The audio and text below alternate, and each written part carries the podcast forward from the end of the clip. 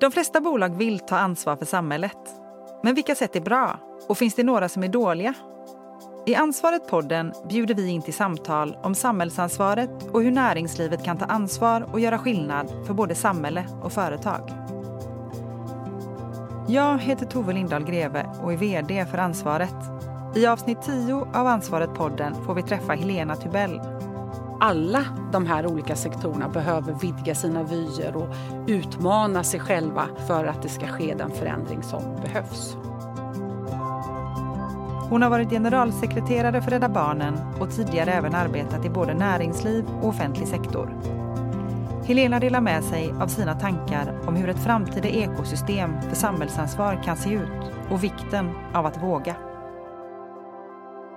Stort tack för att du är här.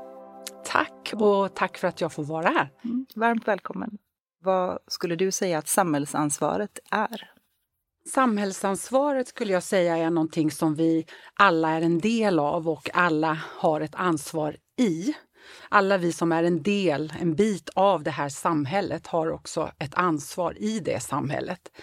Sen så kan man ju ha olika uppdrag i samhällsansvaret och olika roller i det.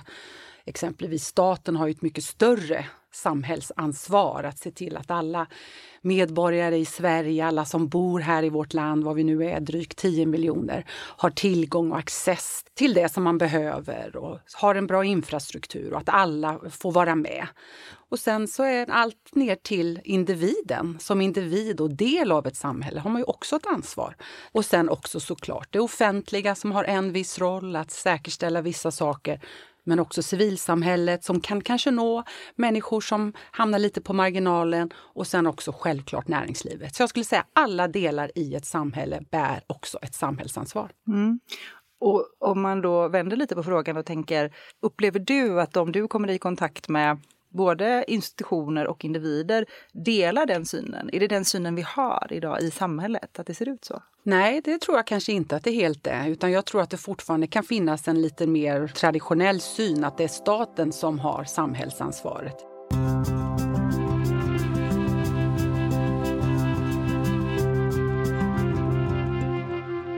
Mina föräldrar var biståndsarbetare. Så jag växte upp i Indien och jag växte upp i Bangladesh och såg väldigt tidigt från unga år hur världen såg ut någon annanstans än där jag då föddes, som var i Örebro faktiskt. Eh, och fick med mig liksom andra perspektiv och såg också tidigt att det är ett lotteri var man föds och vad man får för möjligheter med det och de förutsättningar man får i livet. Och det gjorde också att jag fick en väldigt stark inre övertygelse om att jag vill vara med och bidra till att jämna ut de förutsättningarna och ge möjligheter möjligheter till fler och kämpa emot orättvisor helt enkelt. Och jag har gjort det i alla mina olika roller, så det är den drivkraften. Och sen har jag jobbat både i offentlig sektor, i näringslivet, men också i civilsamhället och jag är utbildad socionom och beteendevetare. Senast så jobbade jag som generalsekreterare för eh, Rädda Barnen och det är ju en av de större civilsamhällesorganisationerna i Sverige med eh, ja, drygt 450 anställda, eh, en omsättning på ungefär 1,7 miljarder kronor och eh, är också en medlemsbaserad organisation med ungefär 55 000 medlemmar. Så det är en stor organisation som har en stor möjlighet att också påverka i frågor som rör barn i Sverige.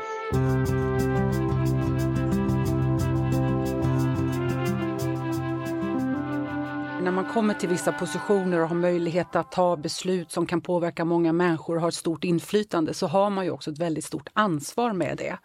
Och alla vi föds ju in i de förutsättningarna vi får, så det är ju som det är. Och sen försöker vi alla göra så gott vi kan med dem. Men jag tror att om man är medveten om det, för alla kan ju inte ha upplevt allting för att sen kunna fatta rätt beslut. Det, det går ju inte. Men så länge man är ödmjuk inför det och har en förståelse för att man själv inte kanske ser och förstår allting på grund av de glasögon man själv har, de erfarenheter man själv har gjort så blir ju det en väldigt viktig del i ens arbete att då säkerställa att få höra de där andra rösterna, att ta in dem så att man också kompletterar sin egen världsbild med andra perspektiv. Och att man ber om det. Och, och det kräver ju en viss ödmjukhet inför en själv så att säga. Att man inte själv har alla de svaren eller de eh, ögonen och man behöver ha då fler perspektiv. Och det finns ju massvis med sätt att göra det på. Det kan man ju göra strukturerat. Och där apropå civilsamhället så är det en jätteviktig part då som oftast har en god relation och byggt en tillit till målgrupper som kanske oftast inte får röster och kanske inte alltid hörs på samma sätt. Att också kunna lyfta de rösterna så att man ändå får med de perspektiven i de beslut som man fattar. Jag tror det är otroligt viktigt. Som du var inne på inledningsvis så har många en en tanke om att vi har ett system och det har länge varit det offentliga som vi har tittat mot när det gäller att ta samhällsansvar. Alla är rätt överens om att inte i alla delar går bra alltid med det. Systemet funkar inte alltid. Och jag har funderat en hel del på det här ekosystemet som du var inne på. De olika rollerna vi spelar som näringsliv, som offentlig sektor och som civilsamhälle.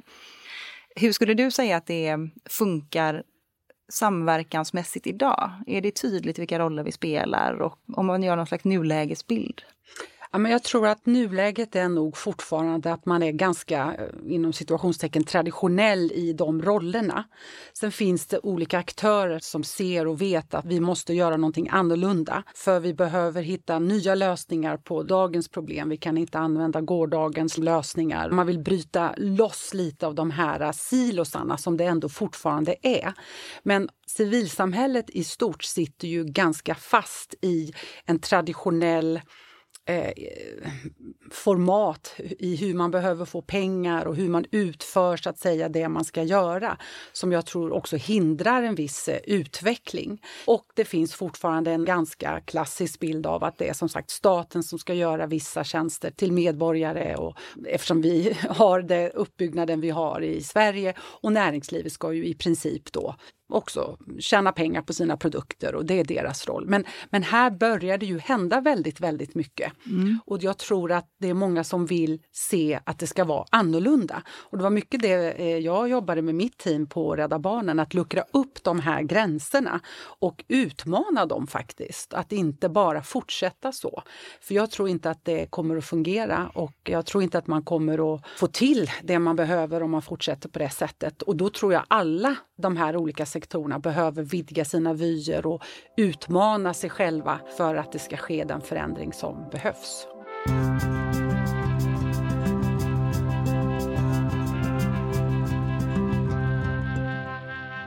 Hela civilsamhället, eh, nu generaliserar jag, men till stor del är man ju inte så riskbenägen. Därför att man handhar ju pengar som någon har skänkt och så vidare och det är klart man ska vara otroligt nogsam med det.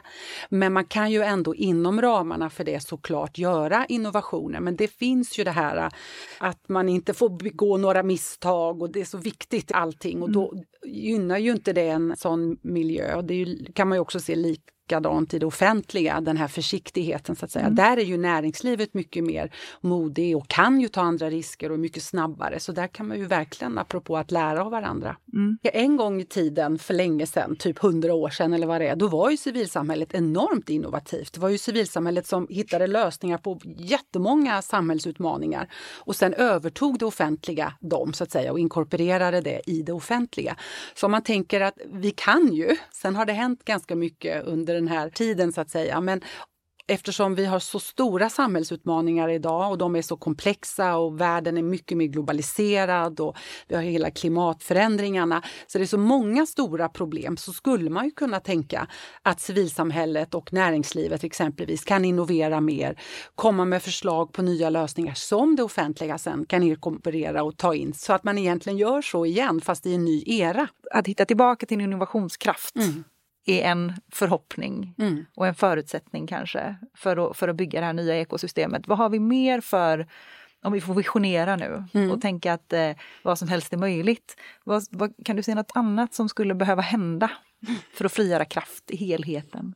Mm. Ja, men på något sätt så är det ju som små mellanrum mellan de här olika sektorerna eller när ett problem uppstår exempelvis i samhället så blir det ju oftast vems ansvar är det som man börjar med. Man börjar liksom där. Och då är det ibland så att ingen säger att det är mitt ansvar. Nej, men det är inte vårt ansvar. Det finns inte i våran budget eller det är inte vi som ska göra.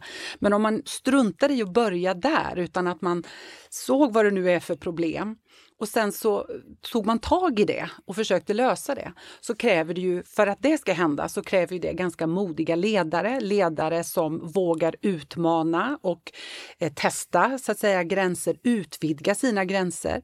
För att man inte ska ha de där mellanrummen där saker och problem kan liksom ramla emellan.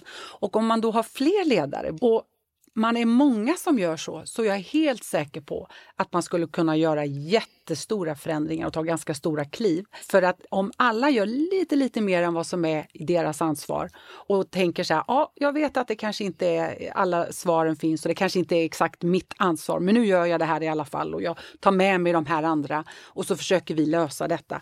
Så tror jag att det skulle vara en jättestor otrolig utveckling. Så att både det här att ha modiga ledare som vågar eh, utmana sin egen organisation, men också då att man får med sig fler och alla gör lite, lite, lite mer så skulle det kunna lösa ganska mycket.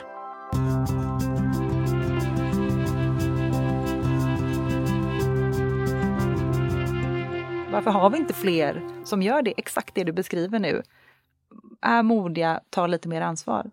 Ja, men jag tror att det är en ganska tufft samhällsklimat faktiskt som vi finns i. Och och då måste vi också på något sätt ha en ökad förståelse för att man kan göra misstag.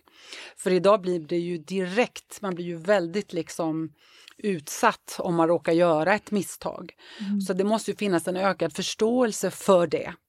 Men jag tror också då att ju fler sådana ledare, apropå då, ju fler som vågar, ju mer risk tar man ju då tillsammans. Men det måste ju alltid vara någon som banar lite den vägen. Hur modig kan du vara om begränsningarna är väldigt snäva? Ja. Eh, och då är det väl det då, att mm. utmana systemen också. Det är mm. otroligt svårt. Mm. Det är det verkligen. Mm. Och då i, i, olika fall behöver man ha kloka styrelsemedlemmar, man behöver liksom ha ytterligare system runt mm. omkring som kan uppmuntra och stötta och stå bredvid när det blåser och allt det där som liksom krävs då för det där modiga ledarskapet. Och då blir det ju också det här, hur kan man vara med att vara en katalysator för den förändringen? Men då behövs det ju lite olika individer som kanske pushar och banar väg och får med sig andra och man förstår och, och man kan ha de här goda exemplen på olika samarbeten eller där det lyckas. Och, så att det är klart att det går men det blir ju små, små steg om man tar. Mm. Men apropå precis eh, goda exempel och lyckade samarbeten. Jag vet ju, jag, jag, har ju sett flera som kom ut under din tid och jag förstår att det är någonting, ett arbete du tog vid och förde vidare. Rädda Barnen har jobbat mycket med detta under lång tid. Men kan du dela med dig av några, just när det gäller, vi är inne på samverkan, vi är inne på vad kan hända när vi jobbar på ett nytt sätt?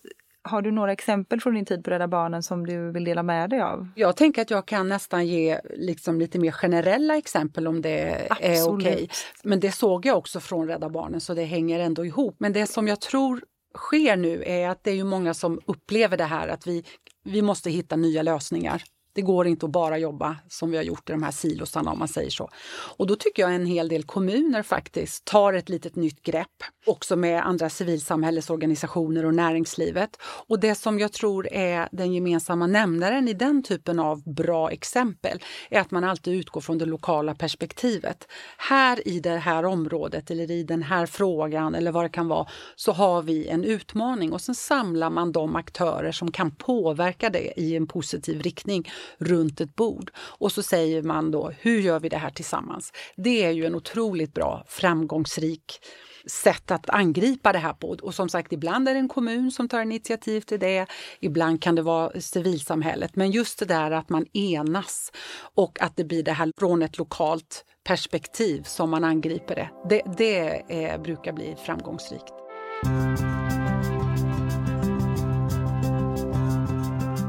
Problemet är väl hur sprids de goda exemplen så att de inte bara blir det här lokala utan hur kan man sen också kanske sprida goda exempel? Hur kan man bygga en modell för vad som fungerar?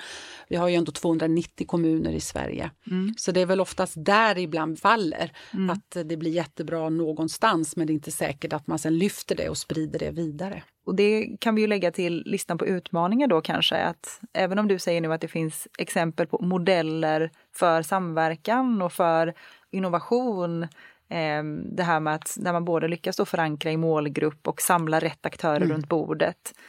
Och det är ju positivt, men ska vi verkligen få till det här nya ekosystemet, ska vi få med oss det in i att skapa nya system, så behöver vi ju också förstå hur vi ska skala upp och mm. Och då kan det finnas barriärer för det eh, som är större, så att säga, som måste ändras i systemet. Ja. Men då är det ju jätteviktigt att man identifierar dem och lyfter mm. upp dem, för det kan ju till och med vara så att det behövs olika policy eller lagändringar och så vidare. Mm. Men då blir det ju återigen en större systemförändring, men det är ju dit man kanske måste komma. Men om man hittar de här modellerna och pekar på det som är bra, de här goda exemplen, så kan man ju också i det peka på vad kan vara hindren. Sen mm. behöver man ju kanske försöka komma runt dem. Men eh, ofta skulle jag tro att de hindren är ungefär de samma i de flesta exemplen också.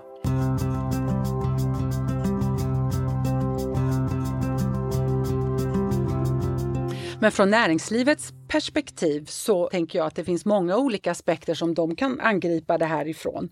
För det första för att ha en bra affär eller business eller vad man ska säga oavsett om det är en produkt eller tjänst eller ens roll så är det ju väldigt bra för ett näringsliv att man har ett stabilt samhälle och att det samhället mår bra och frodas och så vidare för att då skapar det också en långsiktighet och en ökad liksom, lönsamhet och det är bra för affären. Så det finns ju ett stort intresse för näringslivet att vara med och bidra till att, att vi har ett bra samhälle på olika sätt.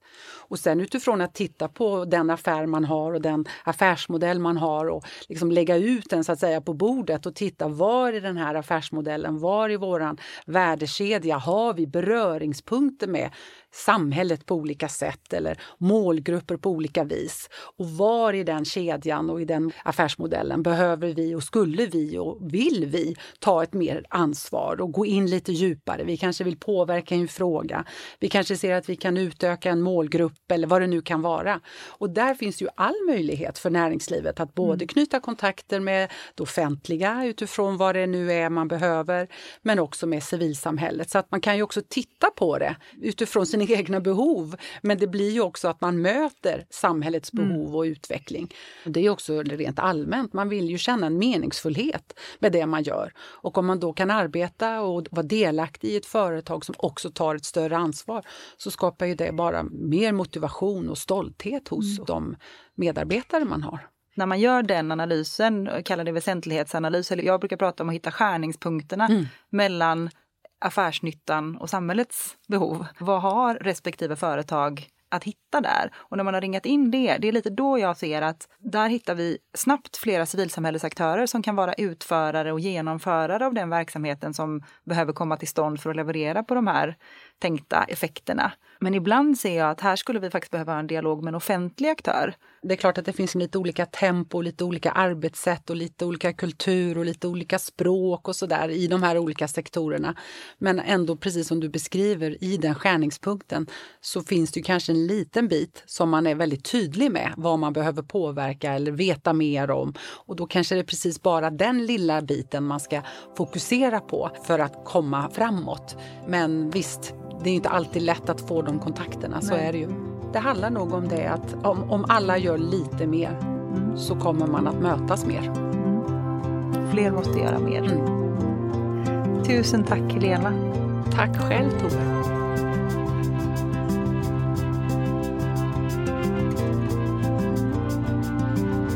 Detta avsnitt av Ansvaret-podden producerades 2023 av Ansvaret AB.